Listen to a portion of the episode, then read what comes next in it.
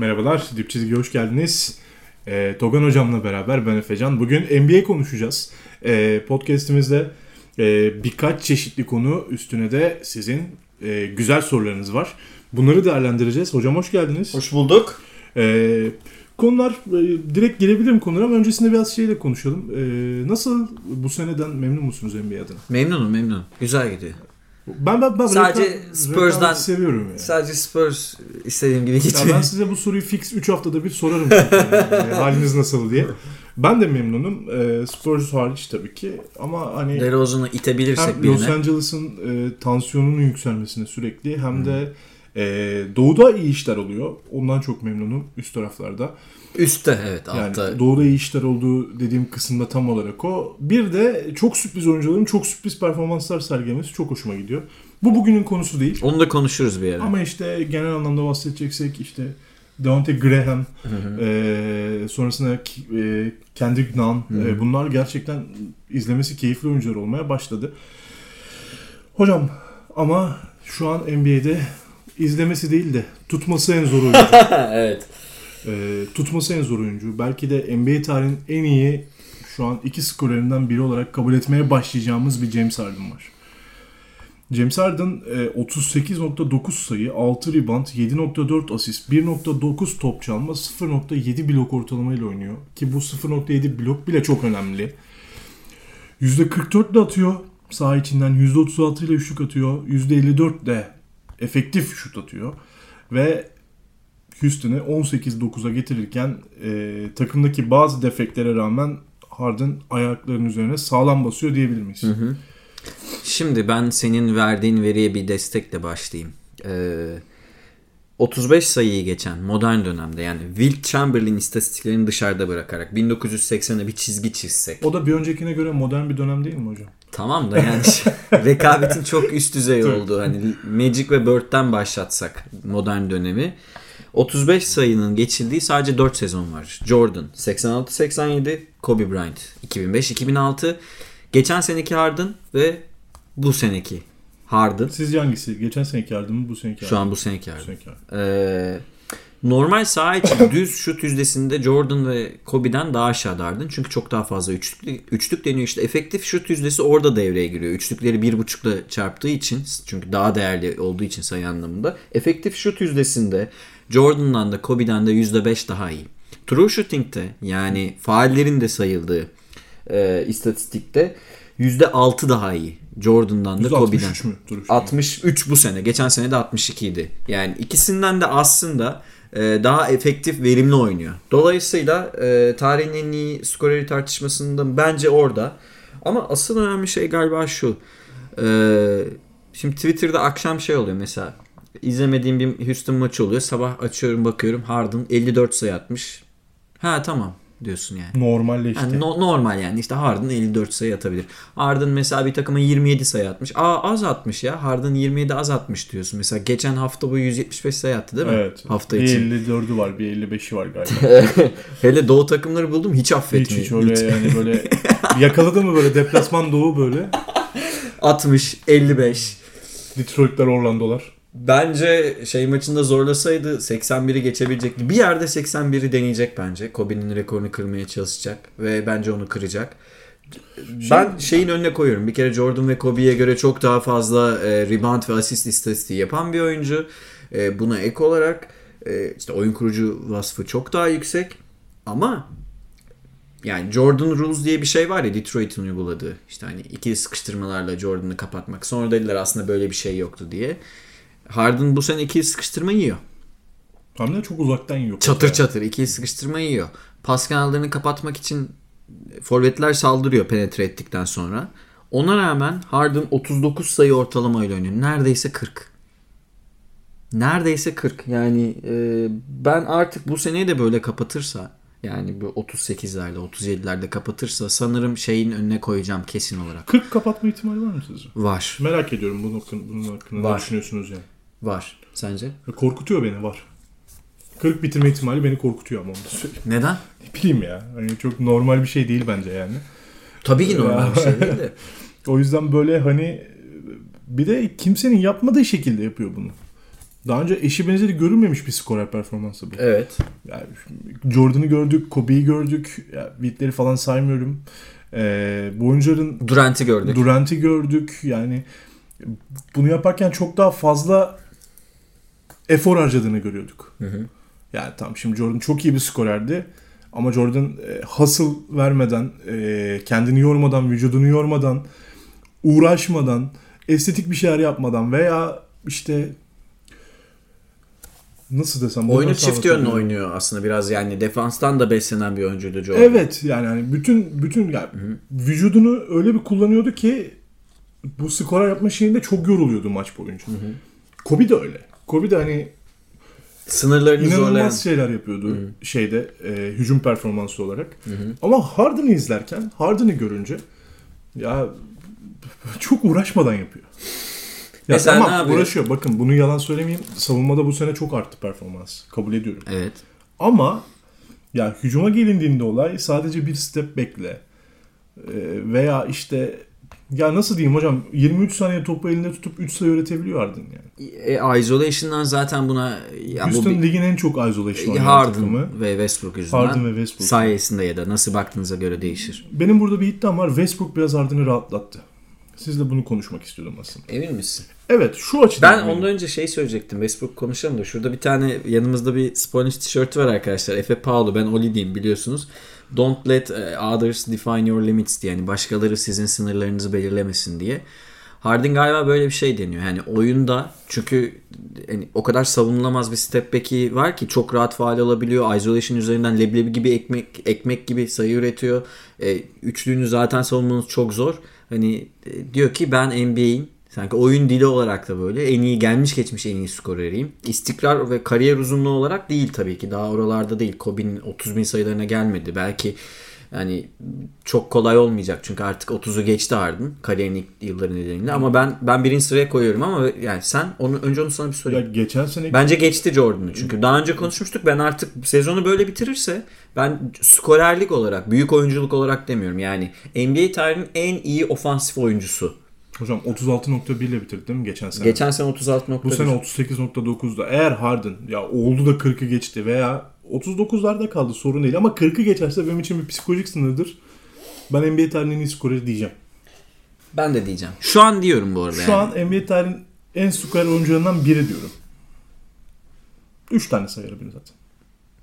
Durant, Kobe, Ya modern hı. Durant, Kobe, Jordan. Wilt'i sayarsak zaten o iş başka bir yere yani gidiyor. Wilt'in 50'leri var canım. Aynen yani. yani hani o çok da mantıklı bir şey olmaz karşılaştırmak. Durant, Jordan, Kobe, Harden dörtlüsünden Harden bir adım önde. Bence de şu an öyle. Ya böyle biterse işler. Westbrook mesela sence neden? Ha ben o konuya biraz gelecektim. Westbrook'un bu sene takımda olması. Geçen sene ben size söylüyordum. Şimdi Chris Paul farklı bir oyuncuydu. Hücumlarda Chris Paul'un eline top dediği zaman topun Harden'a dönebilmesi için uzun bir süre gerekiyordu. Westbrook'ta şöyle bir şey oldu. Harden şimdi double team yiyor. Hatta yarı sahalardan, kendi sahasından başlayarak yiyor. Dün, geçen gün San Antonio maçında şöyle bir şey izledim. Yani bunu sezon boyunca izliyorum. Bu sefer daha net oluştu kafamda. San Antonio maçı çok iyi başladı. Ama bütün sıkıştırmalardan Harden uzunca bir süre topu Westbrook'a attı. İlk top. O top Westbrook tarafından kullanıldı. O top Westbrook tarafından kullanıldı. Skor oldu, skor olmadı. Verimli bir maç oynadı Westbrook. Orası başka bir pencere. Ama Westbrook önce bir şey yapıyor rakibe. Harden'sız oynuyor. Sonra diyor ki artık oynayamazsınız. Çünkü skor yiyorsunuz bu açıdan. Ve ilk topu Westbrook attıktan sonra rakip mutlaka dönüyor ve top Harden'a bir daha dönüyor. Ve hızlı dönüyor. Westbrook'un o hızlı o telaşlı top döndürmesini bilirsiniz hepiniz. hani 9-10 top kaybetti. Evet. Bu şekilde hem PJ Tucker hem Capella çok iyi yerleşiyorlar hücumda. Westbrook'tayken top. Yani bir şöyle geçen haftalarda da konuşmuştuk. Ee, Westbrook 4'e 3'ü oynuyor. Harden'a double team gittiğinde. Double team'den çıkan oyuncuların konsantrasyonu bozuluyor ve top Harden'a döndüğünde Harden çok daha kolay skor üretmeye başlıyor. Özellikle bunu Orlando deplasmanında, Detroit deplasmanında çok net gördük.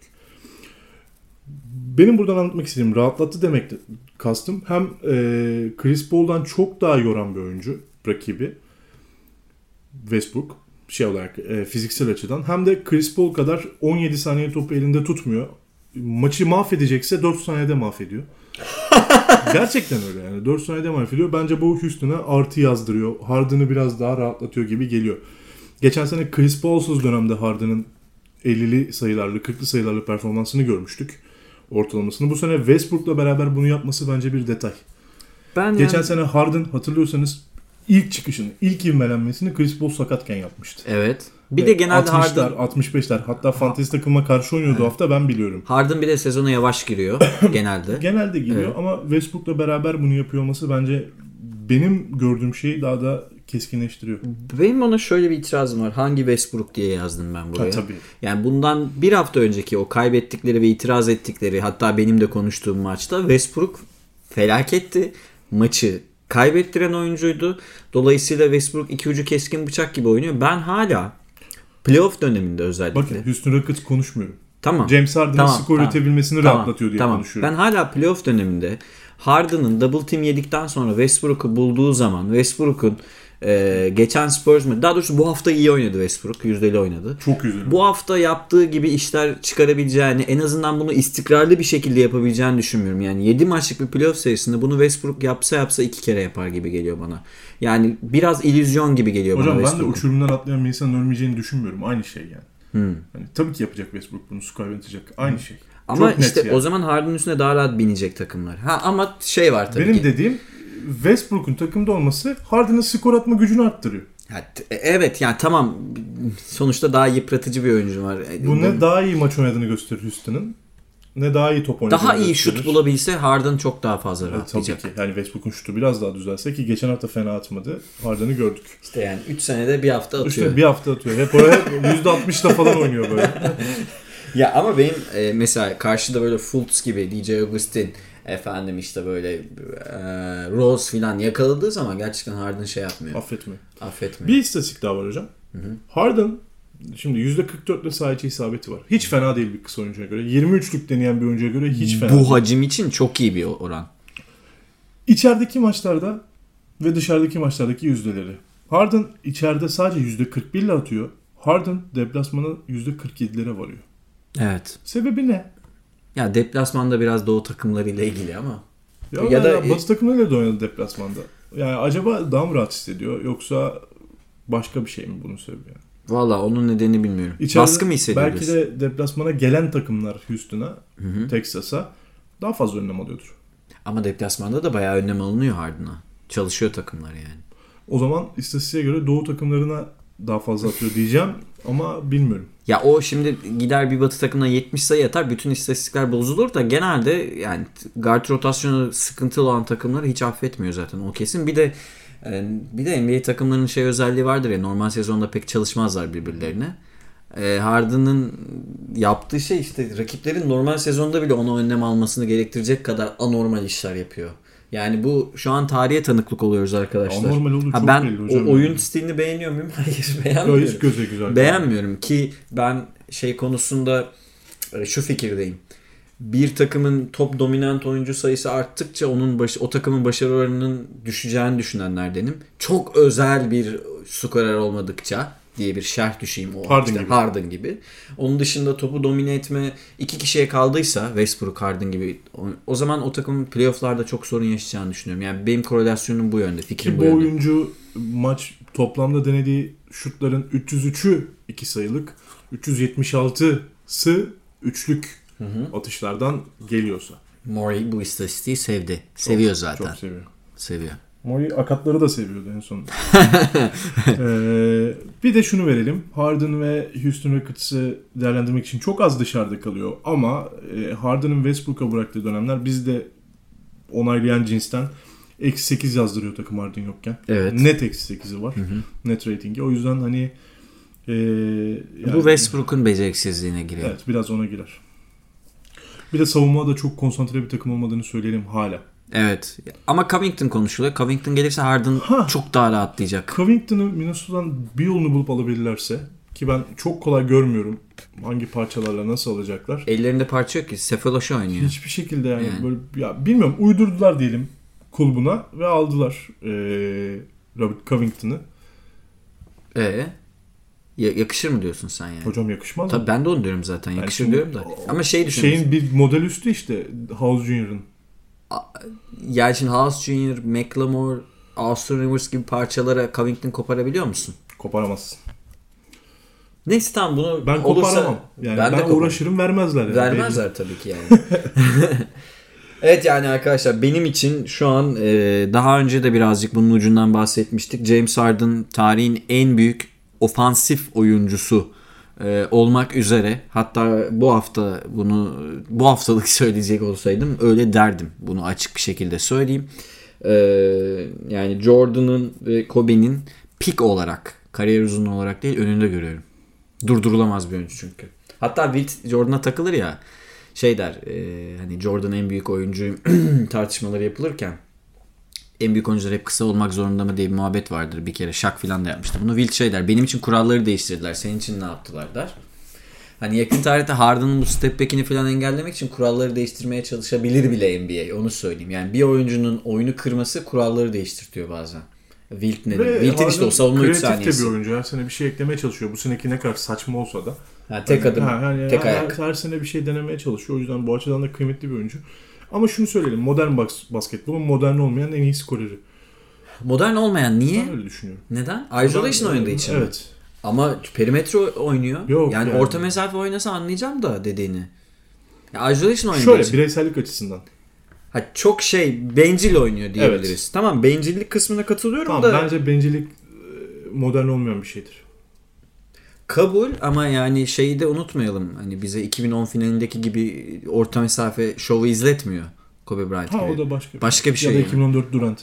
Ha, Evet yani ba- başka bir oyun oynuyor çünkü. Ben modern basketbola şut tercihleri anlamında çok uygun. Yani penetre üstü boyalı alandan bırakması, üçlük atması, sahanın her yerinde üçlük tehdidinin olması, yani her köşesinin Tabii hat- modern olmayandan kastım sadece e, bir oyuncunun bir takım kadar üçlük denemesi.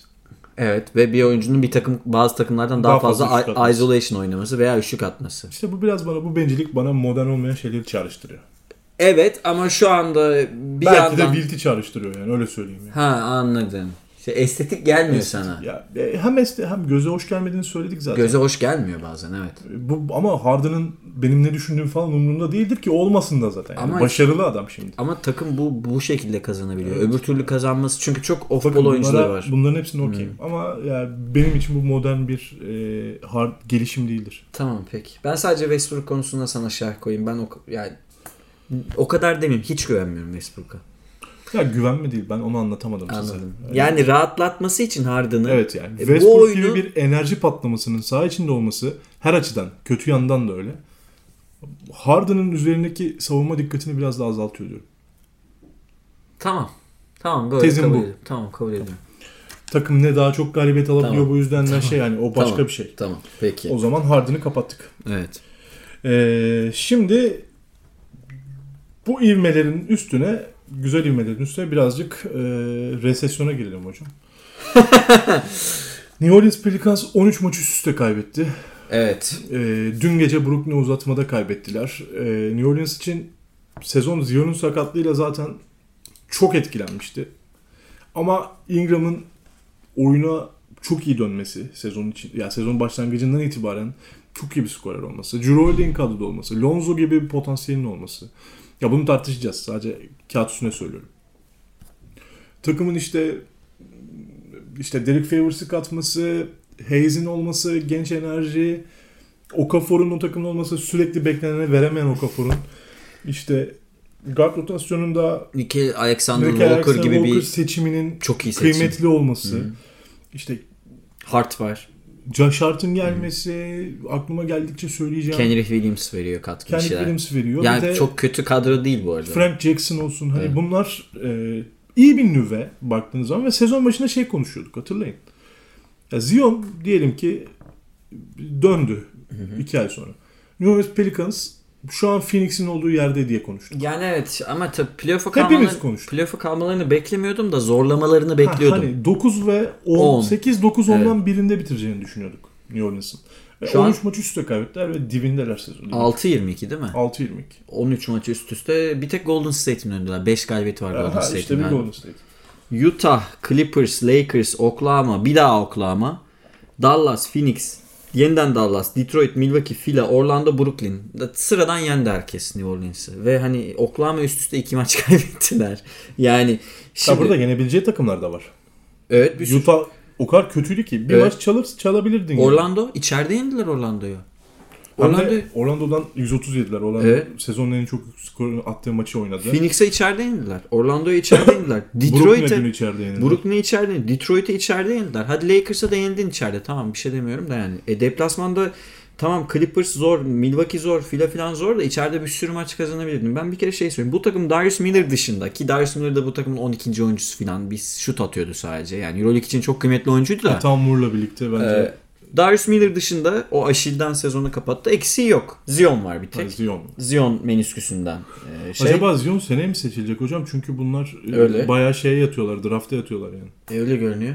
Yani- Zion seneye seçilmeyecek. Yok yani şu açıdan söylüyorum yani Zion'u döndürmeyip iyice maç kaybedelim de drafta yatalım. Tanking yapalım Olabilir. diye. Şimdi bu saydığımız kadro Lonzo, Drew, Ingram, Redick filan.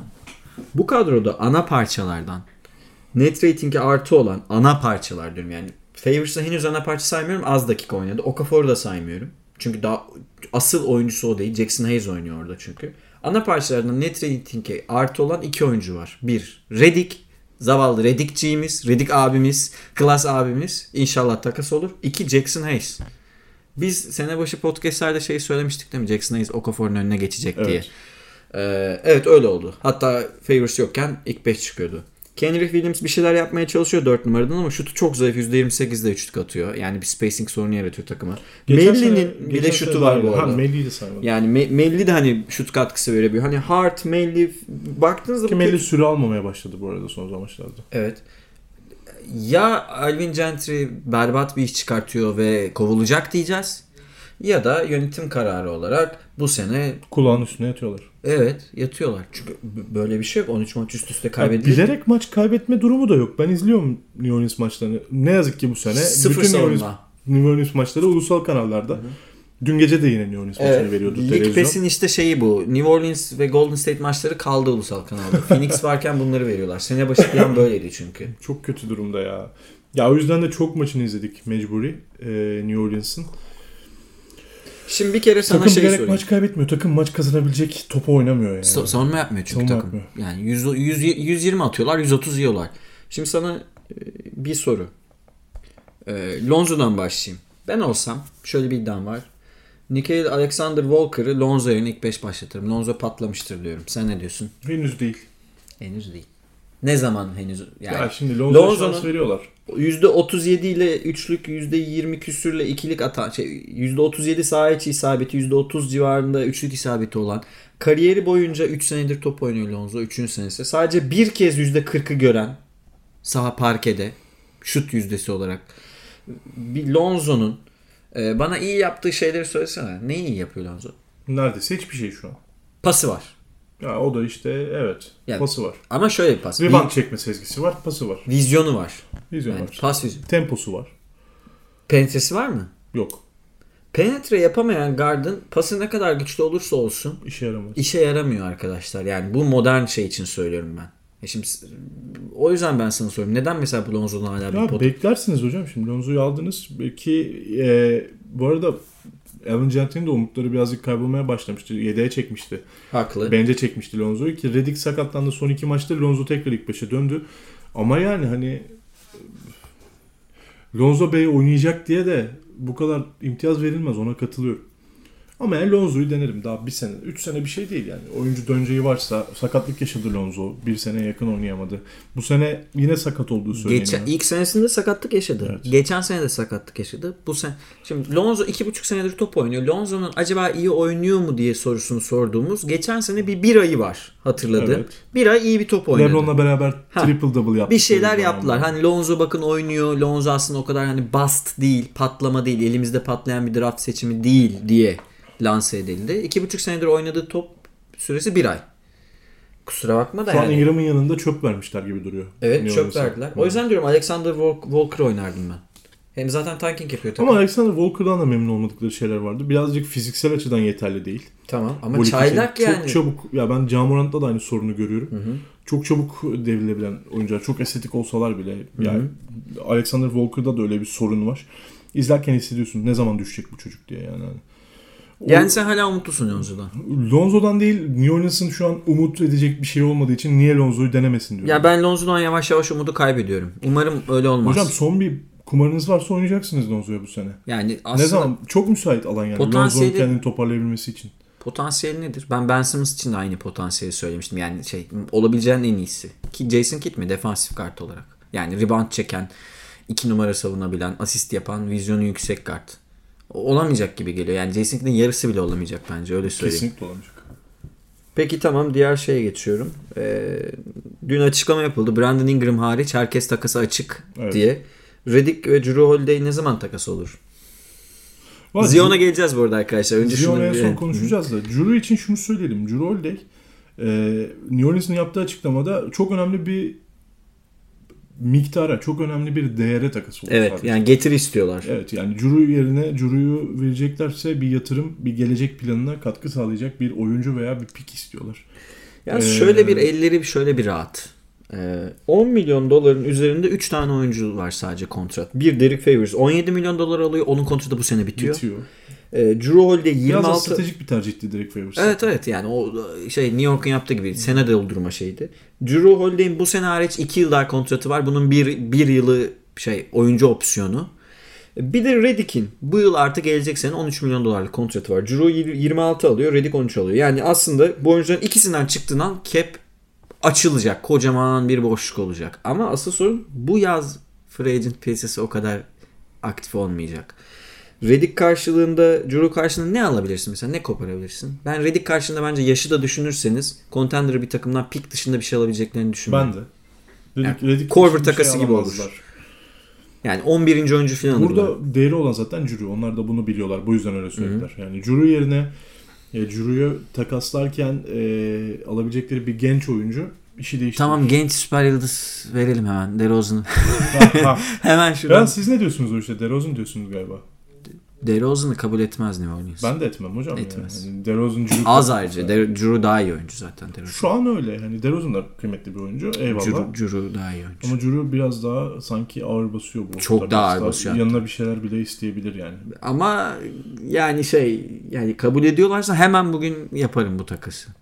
Şunu düşünüyorum. Holiday yani e, Lakers'a da gidebilir mi? Şimdi ben Redick sen, uzun süredir içimden geçeni söyleyeyim. Lakers'a gideceğini hissediyorum, düşünüyorum. Ve hatta belki de görmek istiyorum ki çok Lakers seven biri değilim ben. Beni dinleyenler bilir. Ama bence o takıma çok yakıştırıyorum Redick'i. Tam ihtiyacı olan Tam ihtiyacı olan oyuncu ve LeBron ona çok Ben rahat diyorum zaten ya Redick ya Bertans. Yani. Evet Almak çok yakışır. Ee, Drew oraya gider mi diye düşünüyorum ama Drew'nun kontratını yüklenmek için yani 26 milyon dolarlık kontratı almak için bir şeyler vermeniz lazım karşında. Öyle de çok parçası yok yani. Danny Green'den falan çıkmak gerekecek.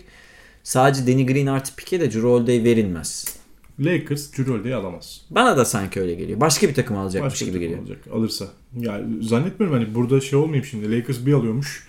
Ben linç edebilirsiniz beni kabul de yani şu an imkanı yok ya hocam o kontratlarla. O zaman iyice Danny Green artı bir şeyle de olmuyor yani. iyice tanking'e devam. Philadelphia'nın 10 galibiyetli senesi gibi. Ona doğru gidiyorlar zaten. yani. 15 galibiyetle sezonu bitirecekler yani. Oraya gidiyorlar. Bir şey diyeyim mi yalnız rezilliktir bu. Ya Zion'u döndürmeme konusuna gelince biraz konuşalım. Ha, yani tabii benim buradaki notum bu kadardı. Zion konuşalım istersen. Yani Zion Williams'la ilgili Zion Williamson'la ilgili siz de bu hafta içinde bir konuştuk biz hani. Reggie Miller Ha bir buçuk aydır yani Kasım'dan beri 22 Kasım'dan beri. Zion yani bir aydır Zion dönmeyecek dedi. Yani bu Reggie Miller'ın içeriden aldığı bir bilgi falan değil. Reggie Miller'ın hissiyatı. Bilgi varsa da bilmiyoruz. En azından kaynağını açıklamadı. bilgi olmadığını söylemişti. Ee, ki Reggie şey değil yani muhabir olarak görev yapmıyor sonuçta yorumcu. Ee, ben oradaydım yani fikren. Çünkü muhtemelen NBA televizyon gelirleri için baskı yapıyor ve e, GM Kanada'da tamam oynatacağız diyordu. Ben Zion'un e, bu sene boyu tam olarak iyileşebileceğini düşünmen, düşünenlerden değilim. Dolayısıyla ben Zion'un bu sene oynamam, oynamayacağını düşünüyorum. Ama e, dün bir yani yarın bir idman Yani gördük. idman sayılırsa. Yani bir adım iki adım geri atıp bir şut çıkartıyordu. O pek bence idman değil. Ee, bir, şunu söyleyeyim bir kere. O kilo, o dizler olmaz. Olmaz. Yani bu kadar atlet bir oyuncu, bu kadar kilolu bir oyuncu, o dizler onu taşımaz. Hatta biz e, Twitter'da da tartışmıştık. E, yani Derrick Rose'un mesela sakatlığı böyle kontrolsüz atletizm oyuncuların kariyerlerini bölüyor ciddi ağır sakatlıklara neden oluyor. Mesela Rose da smaç sonrası yere düşerken çok dengesiz düşerdi. Çünkü nasıl basacağına iyi çalışmamıştı.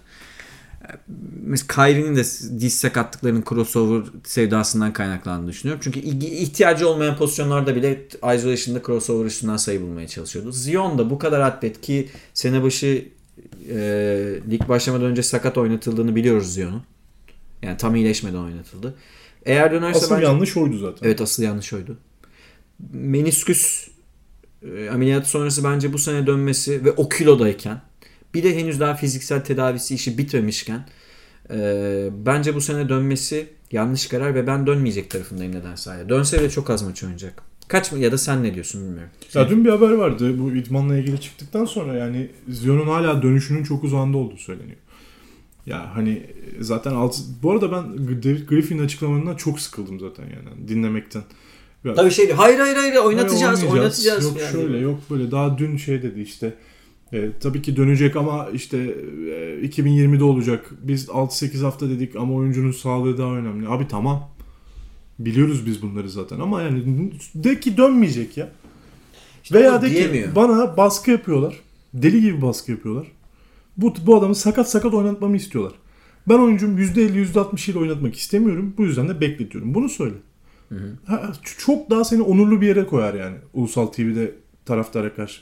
Şu an küfür ediliyor sana çünkü. Evet. Ya şu an e, hem izlemek isteyenler hem fanları bir şeyleri neyse ne. e, Zion dönsün diye bekliyorlar ve Griffin sanki onu döndürmüyormuş gibi.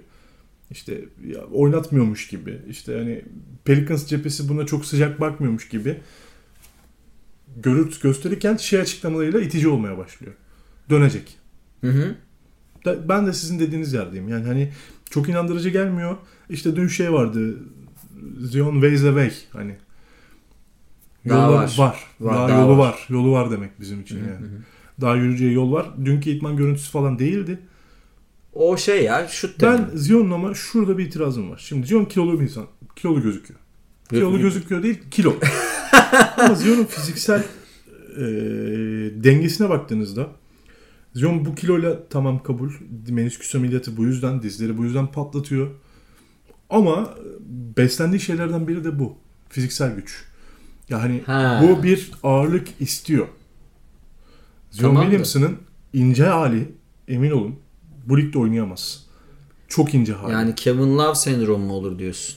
ya, da hocam o kadar incelemez. Ya incelememe, incelmemeli zaten. Tamam ben şimdi şöyle. Bu ama Zion'unki şey gibi et fışkırıyor gibi gözüküyor yani. Yani o, o biraz rahatsız ediyor insanları yani. Benim gibi gözüküyor Zion yani.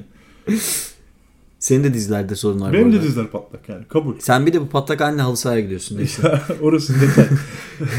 Şimdi e, atletizm üzerinden oynama... Kerem Gönül niye 42 yaşına kadar basketbol oynadı?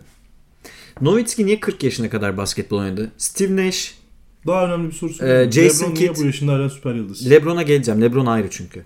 Jason Kidd, Nash, Nowitzki, efendime söyleyeyim Kerem Gönlüm. Kendine iyi bakan, oyunu basit oynayan oyuncular, atletizmden beslenmeyen oyuncuların böyle sorunları olmuyor çünkü. Diz sakatlığı gibi. Yani darbe almadıkça durduk yere. Atletizmden beslenen oyuncular tamam. LeBron çok güçlü. Atletizmden besleniyor. Ben senin bir tane daha örnek vereyim yakın tarihten. Shaq. Yani ya çok kilolu. Tamam da Shaq'ın ve LeBron'un o kalf kalınlığına bir bakarsanız yani o dizlerin ve baldırın kalçaya kadar olan yani vücudun alt kısmının kalınlığına bakarsanız o bacaklar o vücudu taşır.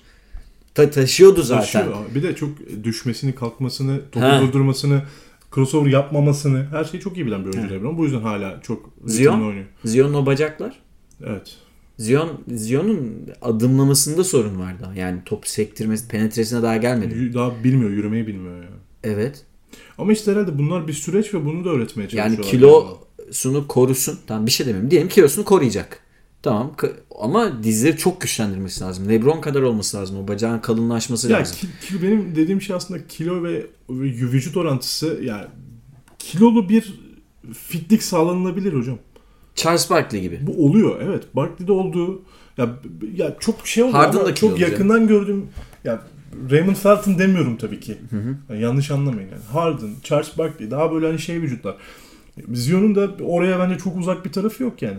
Ama dizler güçlenmesi lazım. Evet güçlendirmesi gereken yerler var. Bence bu rehabilitasyon sürecinde oraya da yükleniyordur. Menisküsten sonra. Ki diz ameliyatı olduktan sonra dizi bir daha sakatlama ihtimalin bir öncekine göre %50 daha artıyor. Ya çok ciddi bir potansiyel o. Hem de böyle bir ivmede böyle bir güç bindirmesinde çok daha tehlikeli Zion'un kariyeri. Bakın kariyeri diyorum. Ee, o yüzden de bir an önce netlik kazanması, bu sene dönmeyecekse net söylemeleri, bu sene oynatacaklarsa seneye Zion'un oynamamasını yine göze almaları gerekiyor. Biz Zion'un kolej hareketlerinden neyi hatırlıyoruz? En çok hatırlanan. Ya çıkıp vuruyordu işte. Şey, blok vuruyordu. Ee, şey yapıyordu. Ta faulden zıplayıp Ha. köşe üçlüğüne vurduğu blok yani atletizm veya açık sahada vurduğu smaçlar. Yani Zion'un highlightlarını izlediğinizde atletizm görüyoruz. Öyle bir pas filan şut Yok. vesaire değil. Bu oyuncu atletizm ile oynayacak NBA'de. Önce atletizm ile var olacak. Kendi varoluşsal koşulunu belirleyen ilk unsur bu olacak. Atletizmden beslenecekse herkesten daha iyi bakması lazım dizlerine. Evet. Çünkü Zion öyle fadeaway falan atmayacak. Zion açık sahada smaç vurmaya gidecek. Dediğim gibi hocam dizi bir de bir kez patlattı. Dönecek Hatta mi? ikinciyi patlattı belki bilmiyoruz yani. Dönecek mi? Ben zoraki döneceğini düşünüyorum. Ben dönse de 10 maç falan oynayacak gibi geliyor bana maksimum. Şu an çeyreğinde izlesek e, Çeyreği geçtik. geçtik yani. Yani 30 %30'u. maçlara geldik. %30'u da geçtik yani. Ben de 30 maç oynar diyorum. 30 maç oynar. 30 maç oynar. Ben sana bunu ilk konuştuğumuzda Christmas'tan önce kesinlikle beklemiyorum demiştim. Evet. Hatırlarsan. Geldi Christmas. Bence onu aşacak. O takımın üstüne çıkacak Zion. Kesin açtı zaten Yani. değil mi? Yani Christmas açtı. İki, Yani. Ocak ayının ortası veya sonu diyorlar. Şimdi bence o Şubat ayının All-Star sonrasına dönebilir olay. Ya bence e, 20 maç falan yani görünen ya aslında. 20 ya 30 işte. Ocak'ta döndüğü takdirde. 30'a hiç 30 ihtimal vermiyorum ya. Back to back oynamayacak. Onu Yani. kesin söylediler. Ya bu arada oyuncunun da döneceği belli olmadan back to back oynamayacak. Ya ben bö- böyle şey sevmiyorum. ya. Oynayacak mı oğlum? Önce onu söyleyin yani. Ya da oynamayacak deyin. Back to back oynamayacak. Bence bu sene yatırsınlar Zion'u. Seneye Black Griffin Hocam ve şu an öyle oluyor. Black Griffin ve Ben Simmons gibi ikinci senesinde şeyi alsın. Rookie of the Year olsun. Ya ilk sene hiç oynamadığı için. Favors ve Holiday'den filan Favors'ın zaten kontrat bitiyor. Drew'dan da çıktılar mı seneye 5-6 tane oyuncuyla Zion'un yanına başlayabilirler. Bu birazcık taraftarın aklıyla oynamak. O yüzden Ve Pelicans bu arada kötü yönetiliyor onu söyleyeyim. ben Griffin'in Evet. aklımızla oynadığını düşünüyorum. Bana da öyle geliyor nedense. Şimdi geçelim eee NBA tarihine Ramakkala NBA'in tarihi bir koçuna mağlup olan Milwaukee'ye. Eee, biz zaten dün programı teknik arızalar sebebiyle yapamadığımızı söylediğimizde bir fotoğraf paylaştık bugün için. İçinde hem Rick Carlisle hem de Yanis Antetokounmpo olan bir fotoğraftı. E, bu fotoğraftan Milwaukee'nin 18 maçlık galibiyet serisinin Rick Carlisle tarafından bitirildiği anlamını çıkartmanızı istedik ki biz o yüzden attık. Zaten herkes de anlamıştır bunun böyle olduğunu. Bizim programımızda Milwaukee konuşacağız. Bu programımızda ve Milwaukee'nin 18 maçlık seride neler yaptığını, Milwaukee'nin NBA'in en iyi serisini şu an güncel en iyi serilerin serisini yaptı. Bu sezon Bu sezon için. Ee, nasıl yaptığını ve nasıl tarih bir başarı yapmak üzere olduğunu ve nasıl yapamadığını konuşalım hocam. Çok fazla şey söyledim ya. Buyur. ben ben dinliyorum. Ee, Milwaukee konuşalım. Ben sizin fikrinizi merak ediyorum. 18 maç büyüleyici mi sizce? Ee, anlatıldığı kadar değil. Büyüleyici, önemli ama o kadar da değil. Bakalım kimleri yenmiş. Milwaukee. Milwaukee, Oklahoma, Chicago, iki kez Chicago, Indiana, iki kez Atlanta, Portland, iki kez Detroit, Utah, iki kez Cleveland, Charlotte, New York, Clippers, pardon, Lakers. Lakers. L, L mi C mi ona Lakers bakalım. yenmişler miydi ya? Yok Clippers, Clippers yendi. Clippers yendiler. yendi. Lakers'la oynayacaklar. Clippers, Clippers, Clippers. yendiler. Orlando, Pelicans ve Memphis. Memphis. Bayağı kolay bir takım aslında yani. Bu 18 maçın içinde Clippers, hadi Utah, hadi Indiana. Ben, Ben- başka zor maç Portland görmüyorum. belki. O da Görmüyorum. çok değil yani. Evet. Portland'da o maçta galiba Lillard yoktu. Evet. Neyse. Yani 13 Bu 14 seri maç. büyüleyici falan değil hocam. Bana da öyle geliyor. Doğru, eğriyi doğruyu konuşalım. Ha yani. yani şey affetmiyorlar hani küçük takımlara yenilmiyorlar. Burada en önemli detay şu. Ligin margin of victory'si. Ligde kazandığı maçları en fazla fark ortalamasıyla kazan takım Averaj yani. averajı 12.90'la yani 13 sayıyla yaklaşık olarak 13 sayıyla her maçını kazanıyor Milwaukee. Bu çok iyi bir istatistik. Evet. Şu açıdan iyi bir istatistik. Antetokounmpo bazı maçlarda sadece 22 dakika oynuyor. Gerek kalmadı. 23 dakika oynuyor. 20 dakika oynuyor. Ve takımı çok yormadan, tempo yapmadan 18 maç üst üste kazanabiliyor. Yani 24 Dallas'ın galibiyet, 4 galibiyet. 4 galibiyet Dallas'ın ardından hücum veriminde ikinci sıradalar. Evet. E, orada da Carlisle hocam hiçbir yere bırakmıyor. Defans rating'de savunma veriminde ikinci sıradalar. Savunma verimini ben birinci Pardon sırada savunma veriminde birinci sıradalar. Özür diliyorum. Hücum veriminde ikinci sıradalar. Ya bu zaten her şeyi anlatıyor yani. Çok iyi durumda. Budenholzer'ın sistemi tıkır tıkır işlemeye devam ediyor. Şimdi senin yüzdelerle ilgili verilerin var değil mi? Benim komik bir veri vereyim ben size arkadaşlar. Normal düz toplam artı eksi verisi. Düm, dümdüz yani öyle box plus minus, real plus minus falan değil. Düz artı eksi. Yendiğini, yenildiğini Evet. çıkar. Yani sahada bulunduğun artı eksi. Ve bu toplam yani maç başına değil. İlk onda 5 tane Milwaukee'li var. Birinci Yannis Antetokounmpo artı 293. Üçüncü Wesley Matthews. NBA üçüncüsü. e, 248. Dördüncü Bledsoe 228. Yedinci DiVincenzo 195 ve 10. Brook Lopez 197, 187. E, margin of victory ile alakalı bir E şey. tabi yani Yannis'le beraber oynadıkları için takım farka koşunca e, şey oluyor. e, herkes artı yazdırmış oluyor. Hatta neydi bir istatistik görmüştük seninle. Dördüncü çeyreklerde bu 18 maçlık Ha. seri boyunca dördüncü çeyreklerde 40 sayıyla önde oldukları dakika yani süre yenik oldukları süreden daha fazla. Bakın önde oldukları demiyorum. 40 sayı. 40 sayıyla önde oldukları süre yenik oldukları sürelerden daha fazlaymış. Yani tabii şimdi hani ezip geçiyorlar doğuda. Yani Ya hiçbir yok. Offside 18 takımı öyle böyle yenmediler diye de çevrilebilir bu Yani Türkçe'ye. yani. evire çevire yendiler. Ya Antetokounmpo'ya bakalım. Önce bir istatistik hemen e, düz istatistik ben de vereyim. 31.7 sayı, 12.8 rebound, 5.3 asist, 1.3 top çalma, 1.2 blokla oynuyor Yanis Antetokounmpo. %60 da efektif şutu var. E, ve bu 24 4'ün herhalde mimarı, baş mimarı Yanis Antetokounmpo'dur. Evet. E, onun üzerine oynanan şutör takım sistemidir. E, Evet. kimin girse fayda ettiği işte Robin Lopez falan üçlük attı geçen. Ya ilginç şeyler oluyor Milwaukee cephesinde. Ama bence her şey toz pembe. Bu 18 takımın saydım. Bence her şey toz pembe. Ya yenildikleri maçlarda bir de ciddi bir doğu performansı daha görmedik yani şimdi. Ben bu 18 takım saydım. İçinde Toronto var mıydı? Yok. Boston var mıydı? Yok. Bir tek Indiana vardı.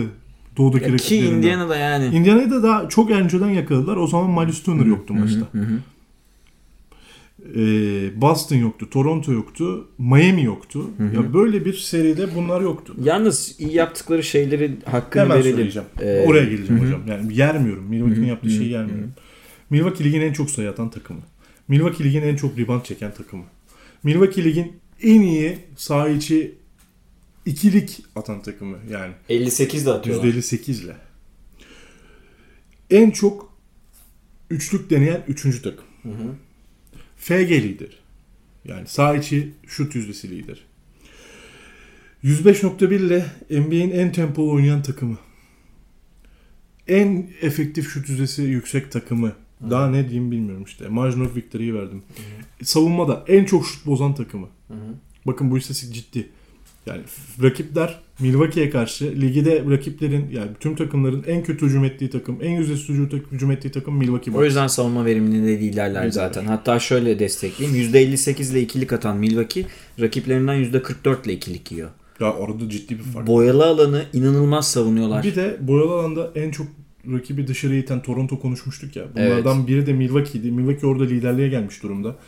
Milwaukee'ye rakip olan takımlar normalde attıklarından yaklaşık 5-6 tane daha fazla üçlük atıyorlar maç başına. Püskürtüyorlar Ve yani. daha az 5-6 tane ikilik atıyorlar. Yani itiyorlar dışarı doğru. Brook Lopez, Van Antetokounmpo Çok.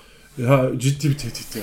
Ee, boyalı alandan ligin en az sayı yiyen takımı zaten. Sadece 39, Kesin. 39 sayı yiyorlar. Statistik görmeden bunu tahmin Ee, edebilir yani miyiz? çünkü, çünkü ederdim çünkü Milwaukee o kadar çok rakibi dışarıya itiyor ki mecburen perimetreden şut atmak zorunda Vallahi. Boyalı alandan en az sayı yiyen takımlar ve haliyle en az ikinci şans sayısı yiyen takım. Yani sadece 10 sayı yiyorlar ikinci şanstan. Bu alanda ligin en iyi takımı Milwaukee. Ee, yalnız şimdi şeye gelmek istiyorum. Orada Real Plus Minus verileri açıklandı arkadaşlar. ESPN böyle arada bir ayda bir falan güncelliyor verileri. İlki açıklandı. Antetokounmpo ikinci, LeBron birinci. Orada ilk onda Will Barton ve Tatum var bu arada. Bir ara onu konuşalım. Tatum'un burada olması şaşırtıcı Will, değil. Will Barton. Da şaşırtıcı Bunu bir değil konuşalım.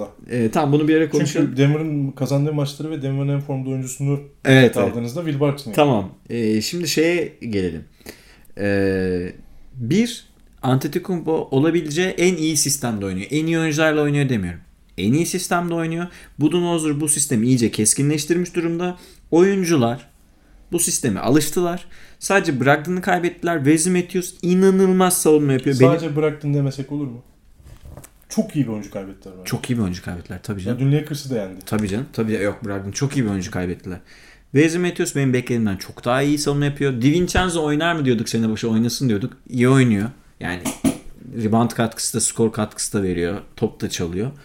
Ee, bunlar tamam ama karşınıza spacing'i yüksek bir takım geldiğinde İşte burayı konuşalım. Dallas gibi sizi yenebiliyor. Yendi. Ve kimle yendi? Elinde Doncic yokken hani herkesin bu takım Doncic yoksa hiçbir şey de- değildir. Çöptür.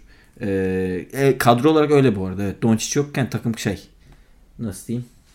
Alelade oyuncular işte. Bunch. Yani bunch of players yani bu tam, tam oyuncular. e, bu tam, tam böyle kullanılıyor arkadaşlar. Bunch of players işte. Alelade öyle vasat kadro yani. Öyle rotasyon falan yok aslında yani. Adamlar var sadece. Eline attığın birini çekiyor işte onu oynatıyor. Finney Smith'lerle, Seth Curry'lerle yendi Carlisle hocam. Demek ki Milwaukee Bucks'ın spacing'i çok iyi olan takımlara karşı bir sorunu var. Buraya önlem alması gerekebilir Budenholzer'ın. Biraz önce bir şifre verdik aslında. Milwaukee rakipleri en çok perimetrenin üstüne e, ardına uzaklaştıran takım. Bu aynı zamanda şöyle bir istatistik gerekiyor. Ligde, ligde en çok takımlar Milwaukee 3 deniyor. Aynı zamanda bunu getiriyor. Yani bu Ha perimetrede de ısırıyorlar ama ısıramazlarsa Wesley Matthews yani filan. özellikle iyi açılan, iyi dağılan takımlara karşı ve daha da önemli bir istatistik uzunları iyi pas dağıtabilen takımlara karşı. Porzingis gibi Aha. Ee, veya Dwight Powell gibi içeride kim var şu an için. Dışarıyı görebilen uzunlara karşı veya içeri penetre edebilen kısaların çok zeki olduğu takımlara karşı Jalen Brunson gibi. 8 asiste bitirdi o gün maçı. Ee, zorluk çekecekleri çok belli. Seth Curry'ler falan 26'lara vurur o zaman yani. Boş üçlük bulabildiklerinde. Buluyorlar zaten. Ki, Ki mesela e, Embiid'in pas özelliğinin geliştiğini biliyoruz. Doğu Konferansı final, yarı finallerde bir yerde eşleştiklerinde Embiid'in post-up'tan dışarıya çıkaracağı, posttan dışarı, alçak posttan çıkaracağı paslar sonra ne olacak? E, Şimdi bu Antetokounmpo'nun oyunun panzehri aynı zamanda. Evet, Şimdi Antetokounmpo bunu oynuyor. evet. Antetokounmpo'nun panzehri de bunu yapmak aslında. Milwaukee o yüzden çok iki ucu şey bir takım yani. Ante bir de bir sorun daha görüyorum ben. Ante sıkıştırmayı yi- yine yiyecektir. Yani ben eminim yiyeceğini. Bledsoe sakat bu arada. Bir iki hafta oynamayacak ama DiVincenzo, George Hill orayı kapatıyor şimdilik. Ee, tamam. Antetokounmpo işte MVP'lik oynuyor. Efendime söyleyeyim takım çok iyi şutör de. Ante durduğunda Ante durduğu zaman yani nedir Ki durması? durabildiğini gördük. İşte Playoff'larda. 20 sayı mesela. Yani ve yüzdesiz. Mesela 0-3'lük 8'de 2 9'da faal. 5 faal falan. Fa- filan gibi yani böyle durdu 20 sayı attığında arkadan Middleton, Bledsoe, işte Brook Lopez, efendim mesela DiVincenzo bu oyuncuların hiçbiri şey söyleyeyim ben yani e, bu oyuncuların hiçbiri alfa değil. Yani taşın altına elini sokup maçı tek başına Bununla sökecek şey oyuncular değil. Evet. Antetokounmpo hariç takımda Middleton şu an Bledsoe sakat diye söyleyeyim. Bledsoe'ya söyleyeyim. 18.1 sayı atıyor Middleton. 15.1 sayı atıyor. Bledsoe 15 sayı atıyor. Başka çift taneye çıkan oyuncu yok. Nasıl olacak o iş? Yani Lopez'in çok kısıtlı e, Lopez'in tabii çok kısıtlı bir rolü var. O sadece şut üçlük atsın diyor oyunda. Hocam bench'ten gelen de yok. Hani Ben yani şöyle. Evet. Öyle. Yani DiVincenzo falan size bir, veya Ersan. iyi Yani gününde Ersin. bir gün 15 sayı atar, öbür gün 3 sayı atar. Bunlar tamam da işte asıl şey, asıl korkum şu. Korkum derken yani çekineceğim diyeyim Milwaukee adına. Ee, Antetokounmpo durdurulduğu zaman ki koçlar ona çalışacak. Yani Budenholzer böyle rahat rahat hare- hareket şansı bulabileceğini düşünmüyorum hiçbir zaman. Bir tane daha alfa karaktere ihtiyaç var. Ama takımda ben bir alfa karakter görmüyorum. Yani Kyle Korver'ın şutuna baktılar Dallas maçında işte. Ante'nin alfaları daha yeni onaylandı ya. Daha yeni geldi yani Evet. belgesi. Evet. Belgesi yeni gelmişken diğerlerine daha vize isteyemiyor kimse. Ama Middleton'la ilgili bu sorun hep var zaten. E, var hocam yani geçen sene Toronto deplasmanında bir maç oynadı. Sonra yok. İçerideki maçlarda çok kötüydü Toronto serisinde. Evet. Ya, bir önceki sene Boston serisinde çok kötüydü. Vesaire vesaire. Yani hani bu çok zorlayacak bir durum. Antetokounmpo'nun da çaresi var, var, var. Var. Buluyorlar. Şut atamadığı sürece Antetokounmpo'nun çaresi Yani olmaya yani devam %50 edecek. ile şut atmadığı sürece Evet. 10 top kullanıp dışarıdan Hiç sanmıyorum. hiç sanmıyorum. Playoff'ta yemez. Yemez. Ama o el zaten Antetokounmpo'nun biraz daha konsantre olup atması gerekiyor Evet, şutlarda. O yüzden o konsantrasyonu sağlayamadığında ya işte Philadelphia mesela Embiid ve El Horford da Antetokounmpo'yu döver. Bana da öyle geliyor şu an. Döver. Şu an yani döver. şu an Ante Milwaukee ligin en iyi takımı gibi görünüyor belki. Lakers maçları çok güzel geçecek bu arada. Eğer Davis de oynarsa zor görünüyor ama Davis oynarsa acayip bir maç bizi bekliyor. Kesin izlenir o maç. Sanki Milwaukee Fila'ya göre çok güçlü silahları olan ama silah sayısı daha az olan bir takım. Yani o yüzden çözülmesi sanki Fila'dan daha kolay bir takım gibi geliyor. bana da öyle geliyor. Yani çünkü Fila üstüne binecek gibi geliyor Ante'nin. Ve Ante'nin takımla bağ koparıldığı zaman işte Brad Stevens'ın yaptığı gibi iki sene önce sanki böyle takım Bledsoe'nun Brogdon gibi oynaması gerekiyor.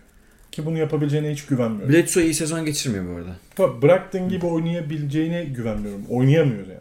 Oynayamıyor zaten. O yüzden de bu, bu sorun cevabı bence Brogdon var. sağ generali gibi oynuyor şu an. Ante kendini durduramamanın yolunu bulursa veya Budenholzer takımla beraber eyvallah. Nasıl olacak o? B- Bence şu an yok. Yani bu- böyle bir yol yok diyorsun yani. şu an yok. Yani Durdurabilir. Başka bir şey yapması lazım yani. İki senedir denedi. Denemedi mi? Denedi. Oldu mu? Olmuyor. Ee, Üçüncüye bakacağız. Ama aynı oyun oynuyor Antetokounmpo. Evet. Yani Yok hani şimdi El Horford'la Embiid'e karşı ne deneyecekler mesela? Bilmiyorum ki. Bledsoe, Middleton ve Antetokounmpo çekirdeği sizi playoff finaline taşımaz Doğu'da.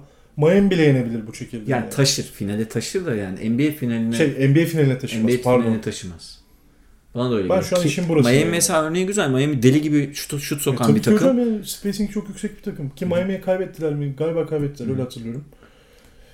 Bakalım. Yani ben evet e, bu çok e, güzel görünüyor. 18-0 hani şeyle hemen şeyle karşılaştılar. Golden State'in 26'sıyla e, Miami'nin de vardı. LeBron döneminde bir 25 falan.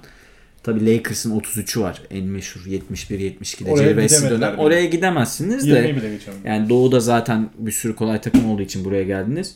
Ee, bence Carlisle hocam lige bir mesaj verdi. Yani bu takım böyle yenilir. Ben bakın Seth Curry'lerle, Finney Smith'lerle, Brunson'larla yendim. Hani Carlisle hocamızın elinde Harden falan yok yani. Evet. Doncic'siz yendim. Ki Porzingis de müthiş bir sezon Yok, geçirmezken. kötü de- çok da iyi maç oynamadı. Evet. Evet Milwaukee böyle. Zaten şimdi sorularımız da var değil mi Milwaukee? Sorularımız var. Milwaukee'yi kapatalım. Hepsini seriden sorularımızı cevaplamaya başlayalım. Ee, şimdi arkadaşlar çok güzel sorular sormuşsunuz. Teşekkür bir kere ederiz. teşekkür ediyoruz. Ben şimdi sıradan... ki yaptık hocam ya bunu. Evet. E, programı erteleyince böyle bir fikir geldi aklımıza. Ya programı erteleyince Evet. şey bu e, özür mahiyeti. Ge- evet geliştirelim programda. Biraz daha uzun bir program oluyor zaten normal e, takvimimize göre. Şimdi önce bizim e, Atakan Ercan'ın sorusu var. Ne olacak Minnesota'nın hali diye sormuş. Minnesota'yı masaya yatırın demiş. Bunu bir erteleyelim istiyorum.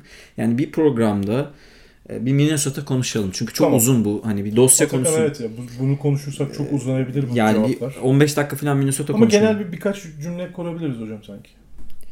Yani yeniden yapılanması lazım takımın. Wiggins'ten de Covington'dan Yeniden yapılanması lazımdı bence.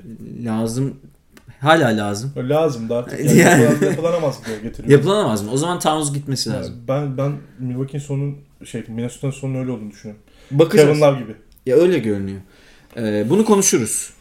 Ee, şimdi şeye gelelim. Hazır Milwaukee'de konuştuk. Bizim Burak'ın e, sorusu var. Lüften Ma- Match Nick'li. Ee, Chris Paul Milwaukee Bucks ya şey olsa Chris Paul Milwaukee Bucks'a takas olsa tabii kime karşı diye Bledsoe yerine mesela. Nasıl? Velev ki. Velev ki Bledsoe yerine takas oldu. Ya da başka bir şey yerine böyle işte birilerini verdiler aldılar. Almanın yolunu buldu. Almanın yolunu buldular. Yani çekirdeği şöyle mi olsun diye soruyor. Chris Paul, Middleton, Antetokounmpo mu? Herhalde böyle düşünüyor. Çünkü Chris Paul Bledsoe yanından olmayacağına göre tahminim bu yönde. Middleton forvetten lazım. Ne diyorsun? Brook Lopez yine duracak diyelim ki. Bench'ten artı Bledsoe verdiniz. işte bir şeyler buldunuz yani. George Hill de yedekledi. Ben kendi fikrimi söyleyeyim önce. Ben olmaz diyenlerdenim. Yani diyenlerden derken bence olmaz. Şu yüzden olmaz. Chris Paul bir Chris Paul bir saha generali arkadaşlar ve Chris Paul topu tek başına elinde tutmak istiyor. Chris Paul bu yaşından sonra Harden'la oynarken bile bir yere kadar off-ball oynamayı öğrenmişti. Bütün Milwaukee sistemi tamamen Antetokounmpo'nun 4 kişinin yarattığı spacing'in üzerinden potaya atak etmesiyle var oluyor. Yani Ante'nin elinde olacak top. Ante hücum edecek, rakibe saldıracak mismatchlere. Ante'ye de ikili sıkıştırma getiremeyeceksiniz çünkü şut var. Chris Paul bu yapıda bana çok verimli olmazmış gibi geliyor. Yani oraya skorer bir guard lazım. Pas öncelikli saha generali topu 15 saniyede tutacak bir guard değil. Ha Chris Paul çok iyi sezon geçiriyor. Hiçbir lafım yok da bu yapıya sanki bana pek e, olmaz gibi geldi. Sen ne diyorsun?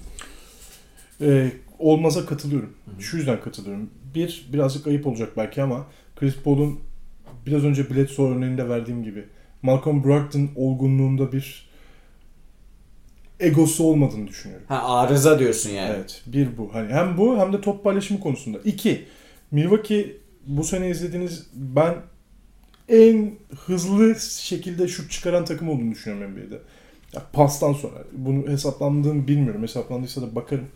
Ee, Chris Paul gibi oyuncuların, topu elinde isteyen oyuncuların, sadece generallerinin generalliğini bastırdığını düşünelim. Velev ki bastırdı. Yine de yani sizin gardınızın ciddi bir şut tehdidi şut tehdidi olsa da Chris Paul'un Tempo kendi penetresi, kendi penetresinin üstüne şut atmayı çok seven bir oyuncu Chris Paul. evet. O yüzden de yani hani Ve orta mesafe. pas üstü Chris Paul üçlüyü çok hatırlıyor musunuz ya? Keçen şatı yok Chris Paul'un. Ha Öyle bir şey yok. şimdi bu yüzden de Chris Paul ya şimdi Bledsoe ile beraber iki numara oynayacak bir Chris Paul ve bu egoları dindirilmiş sadece bu işi yapacak olan iki numaralı top yönlendirici olacak takımda Chris Paul olsa eyvallah. Ama böyle bir şey olacağını düşünmüyorum. Bana da öyle geliyor ya. Yani, e, Yani takımın temposunu bozar, düşürür, takımın şut ritmini düşürür, Antetokounmpo'yu düşürür. Drew Holiday olur ama mesela bak. Çok güzel olur. Yani böyle combo guard arıyoruz Topa biz. dokunmadan Evet. oynayacak bir Drew Holiday düşünsene. Combo guard. Bir buçuk numara arıyoruz. Drew Holiday ile Bledsoe bugün takas olsun. Bir numara döndürülür, George gelir. Milwaukee'de doğuda şampiyon olur. Bana da öyle geliyor. Holiday şampiyon yapar. Diğer sorusu e, Burak'ın. Boston Celtics'e Miles Turner mı iyi gider? Steven Adams mı? burada milestone ihtimali yok. Onu söyleyeyim. Yani düşük. Ee, ihtimali yok. Pek bence, tamam, yok diye. Bence yok yani. Bence Sabonis Turner ikilisi bir yerde bozulacak. Abi bu sene mi emin değilim çünkü Miles Turner biraz da franchise yüzü. Sabonis'i gönderirler onu göndermezler gibi geliyor. Ee, Ben şu an ağzımı açtım bakıyorum şimdi hocam, Arkadaşlar. bu Miles Turner'ın gelişimini düşünelim. Miles Turner rookie sezondan beri şehrin çok sevdiği bir oyuncu. Tamam ama Sabonis daha iyi oynuyor şu an. Sabonis müthiş oynuyor. bu sezon. Ben sadece taraftar Tamam, ve Miles diyelim ki- Turner ilişkisinden bahsediyorum. Tamam, Hala diyelim- Miles Turner bloğundan e, donut yiyecek diye maça giden insan var Indiana'da. Ciddiyim. öyle evet, evet. Peki diyelim ihtimal oldu. Yani Miles Turner bir şekilde takas piyasasına dahil oldu. Miles Turner mı Steven Adams mı? Benim bir fikrim var da ben senin fikrini merak ediyorum. Yani Boston Celtics'e bir uzun alacağız. Malum Boston Celtics'in uzun rotasyonu e, biraz sorunlu. E, Oraya bir adam lazım. Ben ne Miles diyorsun? Turner alırım. Sen Miles Turner neden? Bir, e, şutu var. Şutu var tamam. Boston için çok alışkın olmadığımız bir şey. İki, Şut. bence Steven Adams'tan daha iyi bir top yönlendiricisi. Pas açısından. Pas açısından. E, o yüzden de ya top yönlendiricisi derken ikisi de çok elit seviyede top yönlendirici uzunlar değil. De Steven Ama Miles top hassasiyeti daha yüksek. Faul atar. Bir şey yapar. Yani tabii ki de bu ikisinden birini seçeceğim. Miles Turner ama yakın gözüken Steven Adams. Senin seçimin Miles Turner. Şimdi yakın gözüken evet Steven Adams da benim seçimim Steven Adams. Nedeni şu. E, Ben Miles Turner seçmem. Şu yüzden seçmiyorum. Sizin Boston hedefi nedir? Doğu finali mi? Boston bir yerde Philadelphia ile oynayacak mı? Oynayacak. Boston bir yerde Milwaukee ile oynayacak mı? Oynayacak. Şimdi bakıyoruz. Milwaukee'nin elinde. Yannis var. Evet. Brook Lopez var. Kalın, uzun. Bu tarafa geliyorum. Horford var. İyi savunmacı. Embiid var. Kalın. Sizin Embiid'le, Brook Lopez'le, Yannis'le mücadele edecek, post-up'ta onu itebilecek, onun karşısında durabilecek güçlü bir oyuncuya Şimdi ihtiyacınız var. Steven Adams gibi bir oyuncusu var. Kim var? Biraz abartacağım ama Daniel Tice'ı var. Ha ya Tice. Miles Turner'la Tice olursa bu tehdit daha da artar. Ben Tyson ben o, yani tam Tice faydalı oynuyor bir şey demiyorum. İyi Miles. Turner'dan daha iyi bir sezon geçiriyor bence. Tamam da ben Şey Steven- Miles Turner diyorum Steven Adams'tan. Evet ben potansiyel olarak söylüyorum. Ben Steven Adams'ı alırım. Nedeni de şu. Nedeni çok açık söyledim. Doğudaki rakiplerinize karşı fiziksel olarak ezilmemeniz gerekiyor. Bunu da size sadece ta- şu an mevcut takas piyasasında olan oyunculardan Steven, Steven Adams'ın orada olduğunu biliyoruz. ben zaten Steven Adams'ı daha yakın görüyorum hocam. Yani Ama sen Miles açık değil zaten şu an takasa. Ama tercih etsen onu seçersin diyorsun. Neredeyse maç için. Ben Steven Adams'ı tercih ederim. Şu an çünkü çünkü it, ya Embiid'i itecek adama ihtiyaç var. Ya Gasol mesela nasıl savunuyor Embiid'i? Ya biraz fizik lazım orada. Ya kalınlık lazım. Miles Turner o kalınlığı veremiyor. Bir de pozisyon kaybediyor blok yapmak Ha, için. bunu zaten konuştuk. Miles savunması çok düştü. Özellikle bu sezon. Ya ben Miles istemem şeyden Biraz daha zaten. pragmatik nedenlerle istiyorum Pragmatik nedenlerden bir tanesi de şu. Biraz önce konuştuğumuz olası Milwaukee eşleşmesi. Hmm. Olası Milwaukee eşleşmesinde e, Miles gibi uzunlar daha kıymetli olacak. ben. Öyle mi diyorsun? Bana da yani yani şut şut var diye mi diyorsun? Ha, hem o hem de yani topa dokunmayı daha iyi bilen. Asıl sorun galiba Yani şu. Antetokounmpo'nun panzehirinden bahsettik ya. Ya biraz da spacing sağlayabilmesi lazım uzunların. Antetokounmpo'yu da dışarı Kabul. çekebilmek için. Kabul. Ama bir sorun daha var. Boston, Steven Adams veya Miles Turner alacaktı. Kimi verecek? Ha yani. Enes'le alamazlar bunu. Yok yani kim ne yapsın onu? Gordon Hayward'ın mı verecek? Bilmiyorum. Gordon. Hayward'ın gitmesi takımın ikinci top yönlendiricisinin kadrodan çıkması Ayrıca anlamına takım gelir. planlamasını da bozarsınız. Yani. Çok bozar. Yani kimi Jalen Brown'u mu verecek? Vermez. Jalen, Jason Tatum ve Gordon Hayward. Gordon Hayward vermeyecek. Bana da sanki Gordon Hayward gelecekse böyle yıldız isterler gibi geliyor. Belki pikmik bir şey verir ya. Sadece pik Oklahoma'nın vererek- eline do- 400 tane pik versinler. Belki bütün NBA alsın birer oyuncu. Tamam burada ayrıştık. Güzel fikir ayrılığı olsun ama ben Steven Adams'a giderdim deneyicinin yerinde olsam. Steven Adams zaten bence iki ihtimal yok bu arada. Bu, Burak'a söyleyeyim ben Miles Turner'ın gideceğini düşünmüyorum. Giderse şaşırırım. Tamam peki. Ee, umarım güzel bir yanıt verebilmişizdir. Mustafa Duman'ın sorularına geçelim. Aa selam Mustafa. Ee, load management sizce adil mi? Şimdi teker teker gidelim. Adil, şimdi biz load management'ı konuştuk arkadaşlar. E, Takımların kararlarına karışmamamız gerektiğini Bence düşünüyoruz. LeBron geçtiğimiz senelerde yatıyor. evet orada bir tweet altında tartışma da olmuş. Ee, load management şimdi adil mi derken sonuçta bir suç değil. illegal bir durum yok. Ama şu var. Taraftarların da hakkı yeniyor. Bunu bunu söylemek istiyorum. Yani oyuncunu dinlendirebilirsin. Eyvallah. Ağzımı açıp hiçbir şey demem. Deme hakkım da yok. Ama taraftar da o maça bilet alıyor. Biz bunu konuşmuştuk. Biz aynı noktadayım konuştuk, ben. evet. Aynı noktadayım. Ben de abi. aynı noktadayım. Yani taraftarın da hakkını yemeyecek bir şey bulunması lazım. evet, ya gerçekten sakatlığı yoksa. Yok. Ya var da yok. Yok da var. Şimdi Kavay durumunu açıkladık ama o gün de açıkladık. Ya Mustafa da dinlemiştir mutlaka. Yani hani sakatlığı varsa ben dinlendirmesinin çok normal olduğunu düşünüyorum. Ki her seferinde bir sakatlık dinlenmesi var. Hiç rest yazdın mı Kavay'da? Yok. Load management yazıyor. Westbrook'ta yazıyor mesela. Back to back'lerde rest yazıyor. Hayır, Niye e, ve rest yazıyor. Diz yazıyor. Westbrook'un da dizde sorun var. işte hani bu açıklanıyor. İşte sakattan dönen oyuncu oynamaz gibi bir şey değil bu. Hani sakatlığı var zaten. Ya tamam bunu söyledik zaten. Kavay'ın 2012'den beri quad sakatlığı var. E Hani o Yani yüzden de hep konuşmak- vardı, yedi konuşmak gerekiyorsa üstüne load management adil mi? Ya ben LeBron açıklamalarını da gereksiz buluyorum. LeBron çok konuya dahil oluyor. Hmm. Ya LeBron zaten sezon içinde en çok maç oynayan oyunculardan bir tanesi. Ee, Ben şimdi buraya bir not aldım. Ee, şunu söyleyeyim hocam. Ya load management sakatlık varsa kullanılmadı. Takımlara bir şey demiyorum ama ayıptır, günahtır diyen taraftarın yanındayım. Ya Kötü gün taraftarının yaparsın. yanındayım. Ya da şunu yaparsın Popovic'in yaptığını. Mesela Tim Duncan 30 yaşında falan artık Popovic şey yapıyordu. 30 dakika değil de işte 24 dakika oynatıyordu. 27 dakika oynatıyordu. Ben neyi özledim biliyor musunuz? Biliyor musunuz hocam? Playoff'u garantilemiş, yeri garantilemiş takımların son bir hafta oyuncularını oynatmamasını. Bu çok Özledin adildi. mi? Özledim. Niye? Doğru bir şey çünkü. Sezon çık- bitirmişim. Hmm. Yerim belli. Oh ense yapıyorum. Hmm. Oynatmam. Ne? O zaman da Popovic oynatmıyordu. Tim Duncan da oynatmıyordu. Tony Parker da oynatmıyordu. Ginobili'yi oynatıyordu bir tek bazen. Ama yaş da faktörü de var. Kabul. Miami LeBron'u oynatmıyordu. Wade'i oynatmıyordu. Ama Diğer birkaç maç bu dedi. Kobe'yi oynatmıyordu sonlara. Ya, playoff potasında normal sezonda bunu hak etmiş olmak gerekiyor load management yapabilmek için. Ha. Hmm. Hmm. Ya dediğim gibi UEFA, ben UEFA oynuyorsunuz. Avrupa Şampiyonası oynuyorsunuz veya Euroleague'de Efes. Son 5 maç kala birinci bitirmeyi kabul et. Garantilesin. Dawson Larkin direkt otur. Oynatır mısınız? Hayır. Bu hak mıdır? Haktır. NBA'de de bu olmalı. Tamam. Ben zaten buna katılıyorum. Bu arada e, biz Lebroncuyuz. Yani herkes biliyor bizim Lebron. MJ'in büyüklüğüyle ilgili bir şey söyleyeyim. Yani Michael Jordan Washington'da 40 yaşındayken 82 maça çıktı. Ya o başka bir şey. O başka bir istikrar Yani hocam. bunu da söyleyelim. Yani load management bu jenerasyonun Ama Washington bir şey. garantilememişti playoff'u. Tamam da adam istiyor ya. Adam Şaka yaptım. Adam oynamak istiyor yani. Oyunu seviyor. Yani parkede var olmak istiyor. 82 maça çıktı adam 40 yaşındayken. Hani LeBron'la karşılaştıracak bir durum yok. LeBron da çok istekli, çok oynamayı sever. LeBron'un geçen sene hariç doğru düzgün maç kaçırdığı sezon yok ki. Ama geçen geçen şey dedi mesela hani çocuklar beni örnek alıyorlar, hayal kuruyorlar. Ben her seferinde oynamalıyım. Sahanın içinde oynama, olmalıyım. Load management yap, yapılmamalı. Ya bu açıklamaya gerek yok. Zaten oynuyorsun abi sen. Biz seni biliyoruz. John Stockton'ın kariyerinde kaçırdığı maç sayısı 10 filan. Adam 20 sene top oynadı.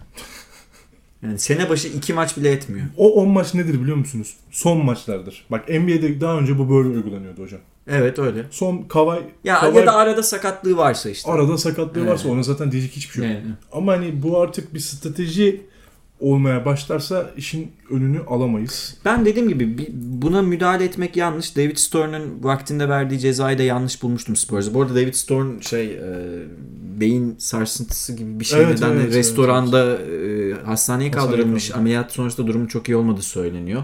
Umarım bir şey Geçmiş olmaz. Geçmiş olsun. E, ceza vermişti Spurs'a. Bunun yanlış olduğunu söyledim. Hala oradayım. Takımlara bir şey diyemezsin. Ama şu da bir haktır. Taraf taraftar sonuçta Panathinaikos Fenerbahçe maçında taraftar yok. Ne kadar çirkin bir maçtı. Değil mi? Taraftar maça gelmezse, taraftar televizyondan izlemezse bu oyun niye oynanıyor? Öyle canım bu seyir. O zaman taraftarın da birazcık böyle hoşuna gidebilecek şeyler yapmakta fayda var. Onu söylemeye çalışıyorum. Yani bu dengeyi kurmak Ulusal lazım. kanallardaki maçlarda oynatmaya dikkat ediyorlar. Evet. İşte yani back to back oynamaması lazım sadece. Ben bundan yanayım. Tamam. Kawhi Leonard şu an back to back'lerde oynamasa Oynamıyor hiçbir şey zaten. demeyeceğim. Oynamıyor Ama zaten. bazen iki maç arada da oynamıyor. Ha oynamıyor. Zaten sadece yani. back to back'te oynamasa 71 maça falan çıkacaktı Evet. bu sene. Sadece back to back'lerde Westbrook gibi oynamasın. Başımın 71. üstünde yeri var. Ama bence 70 maça çıkmayacak bu sene Kawhi. Neyse Bence şeye çıkmayacak. geçeyim. Diğer sorusuna. E, Umarım yanıtlayabilmişizdir. Zion'un sağlam döndüğünü farz edersek New Orleans Holiday yani Drew artı Ingram'la toparlanabilir mi? Hayır. Yani Ya bu ihtimal çoktan kaldırdılar Evet, bence yani. Ingram hariç takımı paketleme niyetindeler. Ee, Yani ve işte o şey Jackson Hayes'ler, Alexander Walker'lar Genç hariç, nüveler genç nüve hariç takımı muhtemelen paketleyecekler. Bence Zion dönse de bu saatten sonra oyuna olmaz Ya, bu takım. ortalama Leonis şöyle bir şey tutuyor kafasında. Gençleri tutalım birkaç. İşte öyle 2-3 şutör tutalım. E, sakatlı oyuncular olan oyuncular kalsın. Yanına işte Ingram'la Zion'u koyalım. Piknik bulursak da ne hala. Ne hala seneye seçeriz. Evet peki diğer sorusu şu ana kadarki süreçte en çok gelişme kaydeden oyuncu ödülünü kime verirsiniz? Ben merak ediyorum sizin ne diyeceğiniz. Cevabımı en son vereceğim. Pascal Siakam'ın, Luka Doncic'in, Devonte Graham'ın, yap, Jonathan Isaac'in. Jonathan Isaac'in yaptıklarına, bu dört oyuncunun yaptıklarına büyük saygı duyuyorum. Ama benim oyum Bam Adebayo'ya. Ha ben- bu arada bilmiyordum sizin Benim Bam Adebayo Bam. Adebayo. Benim de oyun Bam Adebayo. Ee, çünkü Devonte Graham ikinci senesi, Doncic ikinci senesi, Siakam bu ödülü daha önce Siakam aldı. artık MVP seviyesinde oynaması lazım. Jonathan Isaac de tamam savunma defansif istatistik veriyor da hücumda da daha fazla İyi yapması fantezi lazım. oyuncusu ama hayır. Benim oyum sahada her şeyi yapan Draymond Green'in daha pota altında daha tehlike yaratan haline geliyor şu an. İddia ediyorum Bam Adebayo bu ödülü alacak. Bence de benim oyum Bam Adebayo. Yani sezon sonunda da alacak. yani. Bana da Çok büyük bir geliyor. sakatlık olmazsa. Bana da öyle geliyor. Ya Miami ilk dörtten playoff'a girerse ve Adebayo bu şekilde oynamaya devam Yani ederse böyle 15 15 yani 5 asist, 10 ben size rebound. sezon başı demiştim. Luka Doncic bence en çok gelişme kaydeden oyuncu ödülüne yine aday olabilir. Öyle oynarsa. Ama işte ikinci Ama senesi. hani ya o, o şerhi koymuştuk. Aha. Ya şimdi bir oyuncu sıfırdan başlar. Devonte Graham gibi. Bence Graham da aday. aday. Ee, ama ya Bam Adebayo vura vura gidiyor orada. Yani e, şimdi Bam Adebayo'nun kat ettiği mesafeyle Aha. Curu, şey Curu diyorum ya. Graham'in, Doncic'in en yakın Graham bence ona. Doncic ve Siakam'ın kat ettiğim, kat ettiğim mesafeler o kadar yüksek değil. Bir de Ben alt, bu takımın 9. oyuncusuydu. 10. ve, oyuncusuydu. ve ben şeydi mesela Ingram da buraya yazabilirsin. 25 atıyor da ben çok daha ideal bir takımda oynuyor. Yani Devonte Graham'dan ve Ingram'dan biraz durum farklı. Isaac'tan da durum farklı. Ee, Siakam artık bence buralarda değerlendirmemek gerekiyor. Siakam ödülü nasıl aldı hocam geçen sene? Bench'ten çıkarak aldı. Adebayo nasıl alacak? Bench'ten çıkarak aldı. Evet, Benim yani, sorularım bu kadar. yani aklımda. Hasan gitti adam rahatladı top oynuyor. Yani İnanılmaz Siakam ilk 5'e yerleşti. Müthiş bir oyuncu. imkan da verildi ve Siakam o ödülü aldı. Bam Adebayo geçen sene girince zaten o izlenimleri veriyordu. Bu sene NBA'nin en iyi uzunlarından biri oldu. Ve en iyi pas zaten uzunluğu. 3-5 uzunluğundan biri. Ya bunda takımın da etkisi var ama Var. takıma uyum sağlayabilmek, kimyayı yakalayabilmek ve kendini geliştirebilmek çok önemliydi. Evet. Ee, tamam Mustafa'nın soruları bitti. Şimdi Mehmet Özgür. Devam ediyoruz arkadaşlar programımıza.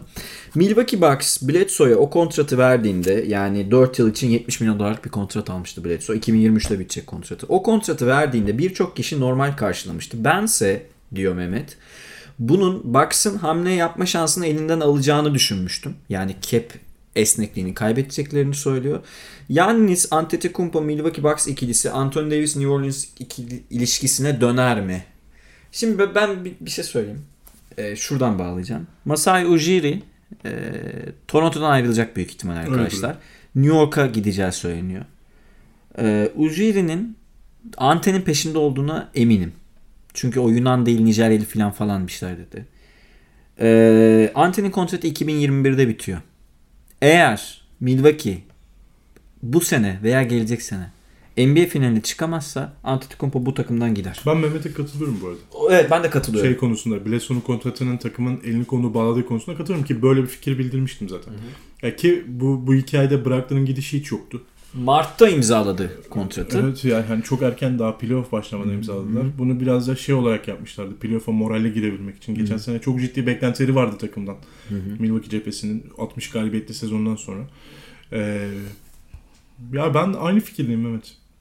Yani e, gidebileceğin... AD, AD durumuna tam döner mi? O belalı duruma döner mi bilmiyorum Şehri ama bir kere daha çok seviyor AD'ye göre de hani yani Milwaukee'yi seviyor da Milwaukee küçük bir şey. renkleri Bunda onu- falan da güzel. İşte böyle takımın bir kimyası var. Seviyordur yani. Ben çok ciddi bir şey. Ujiri eğer Toronto'da kalırsa 2001, 2021'de Toronto'ya getireceğine inanıyorum onu. Çünkü çok ya bu işleri çok iyi biliyor adam kabul edelim. Yok New York'a giderse sanki e, yani koparacak Ante'yi Milwaukee'den. Bana öyle geliyor. New York taraftan heyecanlandırmayın hocam. Ama şey şerhini koyuyorum. Evet, bizim Ömer'i heyecanlandırıyoruz. şey şerhini koyuyorum. Ee, Milwaukee'nin NBA finali yapması durumunda işler değişir. Yani o fila Toronto, Boston duvarını aşıp NBA finaline çıkarlarsa ne bileyim mesela Clippers, Lakers'tan falan böyle 2-3 maça hatta NBA şampiyonu falan olabilirlerse kalır. Aa, o iş tabii ki öyle ama yani buna ne kadar inanıyorsunuz ya? Çok inanmıyorum. Ben doğu finalini, doğu finalini de kaybedeceklerini veya doğu finaline bile çıkamayacaklarını düşünüyorum bu sene. Şu an öyle görüyorum ben de. Evet. Ee, burada biz de Mehmet'in endişelerini Yo paylaşıyoruz. haklı ve AD durumu kadar belalı olmasa bile Ante'nin ben e, düşündüğüm, benim tahmin ettiğim bir başarısızlığın sonunda Milwaukee'ye veda edeceğini düşünüyorum. Evet Ante zaten ben takas olmak istiyorum demeyecek Yo, bence. evet. Kontratın bitmesini E, bekleyecek. tabii canım Ante zaten huzursuz değil bence. Evet MVP oldu. Yine MVP olabilir. olabilir. Hazır Ante demişken sana ben sor. Bir sorumuz daha var. Kapatmadan ben sana bir soru sorayım. Harden'la Ante'yi yer değiştirsek hangi takım için daha iyi olur? Mevcut kadrolar duruyor. Harden'la Ante'yi yer Ya değiştirelim. dünkü cevabımızı verelim önce de Ver. bir onu koyalım. İki takımın içinde felaket olur. Sonun başlangıcı Evet, olur. biz bunu kendi aramızda konuşuyorduk arkadaşlar. Sizinle de paylaşmak istedik. Yani e, hani Harden mı MVP olsun, Ante mi olsun tartışmasında yer değiştirsek nasıl olur klasik önermelerden biridir ya. Yani bence iki takım içinde olmaz çünkü. Ama yani nispeten karlı çekecek Houston diyeyim hadi. Kar niye? Ya çünkü Harden'la hiç oynayamaz şu takım nüveleri ya. Ha, Milwaukee oynayamaz Milwaukee zaten. Hiç oynayamaz yani. Bence Westbrook, Capella gibi oyuncular varken zaten sizin spacing'inizi Belalı bozan takım, belalı. Bir de- Ante geliyor. 3 kişi şut atamıyor olacak yalnız. Berbat ya. İki takım içinde kötü olur yani. Şey Bu... olur hocam mesela 74-67 maç kazanır bence Houston. Ante gidersin. Yok Ante ama açık saha ister. açık saha ister Ante. Ya ben e, bu arada benim oyum MVP oyum Harden'la. Onu hala şeyim yani. Henüz emin değilim. Tamam en çok galibiyet alan takımın en iyi oyuncusu Antetokounmpo. Kabul ediyorum da benim oyum Harden'la. Abi adam 2 senedir NBA tarihinin gördüğü Curry'nin o şey sezonunu Bu kenara sene koyuyorum. sırf o dramadan verecekler zaten bence. Adam 2 senedir NBA tarihinin gördüğü cümlesi var ya. Evet. on- Ondan verecekler bu sene. Sanmıyorum. yine. Ante'ye verecekler. Ya bu cümle yüzünden verecekler. Bence yine Ante'ye verecekler. Yani hatta e, şey konuşmasında anti şey Harden çağırırken 2 senedir NBA tarihinin gördüğü diye başlayacak cümle. Şimdi yani. Ocak Şubat gibi bir medya şeyleri başlar. Kim daha çok övülüyorsa ödülü Evet. alacak. Çünkü hikaye baştan Harden övülecek. bakacağız. Bakacağız. Tabii Houston'ın galibiyet sayısına da bağlı. Son soru. Ee, bunu kısmen yanıtladık aslında. Don Das Akarov kullanıcı adlı bir arkadaş. Öyle yazıyordu Twitter'da. Doncic'siz Dallas'ın başarısı geniş rotasyon mu yoksa Carlisle başarısı mı? Yani e, Kolay bir cevabı var. sabahtan akşama kadar Carlisle. Yani, hani- Hoca biraz önce güzel bir şey söyledi. Alelade bir oyuncu grubuyla Evet. yani Porzingis artı alelade oyuncu grubu. Evet. Böyle bir elle tutulabilir kimse yok ama nispeten IQ'su yüksek birkaç oyuncu Evet. ve belki de NBA'in en IQ'su, en iyi sağ görüşü olan, en iyi çözüm üretebilme yetisine sahip olan koçlarından biri sayesinde bu başarı geldi. Birine fazla dedin ya. Mikro hamlede ligin en iyi koçu. Mikro hamlede ligin en iyi koçu. Ama hani genel düşündüğünüzde 3 tane 4 tane sayarız zaten. Ben ikinci sıraya yazıyorum. Popovic bir herhalde. Pop, Pop 1. Emekli olana kadar Popovic Pop 1, Allah'tır. Carlisle 2 diyoruz. Ben, de, ben de ben o iki diyorum. fikirdeyim. Ben de o fikirdeyim. Sonra diğer koçlar gelir. D'Antoni dersiniz ki bence çok iyi değil bu sene. Brad Stevens dersiniz. Yani Nick Nurse bir, bir sürü koç sayabilirsiniz de Carlisle bence Ha, baş... Popovic ve Carlisle'ın Carlisle- mertebesi daha yüksek. Carlisle'in nerede nasıl ne kadar iyi bir koç olduğu unuttuk. O kadar kötü kadrolarla oynadı ki adam başarı elde Ya, edemedi. elinde bir de 2011 var hocam. 2011 çok özel bir hikaye. Ona bir bir yaz 2011 Ki ama şampiyonunu konuşalım. çok uzaklaşmaya gerek yok. Milwaukee'nin serisini bitiren de bence Lee Carlisle'ın e, oyun okuma becerisidir. Şu kadroyu mesela Dwayne Casey'e verelim. Ben bir şey söyleyeyim mi yani. Şu an takımın e, şey ya Dwayne Casey. Hmm, Dwayne Casey diyorum Dallas. Birinci sırada offense rating'de. İlk ona giremez. Şaka yapmıyorum. Dwayne Casey'nin. Normal sezonu lider bitirip ilk ona giremez mi hocam? Böyle Evet, bir evet. beynim yandı. evet arkadaşlar sorularınız için teşekkür ediyoruz. Konularımıza eklemlemiş olduk sorularınızı. Sağ olun gerçekten. Ee, Güzel biz- sorulardı. Ee, Euroleague ve NBA podcastlerimizle devam Hafta sonu edeceğiz. Euroleague podcastimiz gelecek. e, gelecek. Hafta içi de yine hocamla beraber umarım NBA podcastimizi yapmış oluruz. Bizi SoundCloud, e, efendime söyleyeyim Spotify, Apple Podcast ya da Castbox Box gibi herhangi bir yerden takip eden arkadaşlar beğenilerinizi eksik etmezsiniz. Çok seviniriz bu arada. Ben de Hepinize söyleyeyim. selamlar çok. Hoşçakalın. Görüşmek üzere. Hoşçakalın.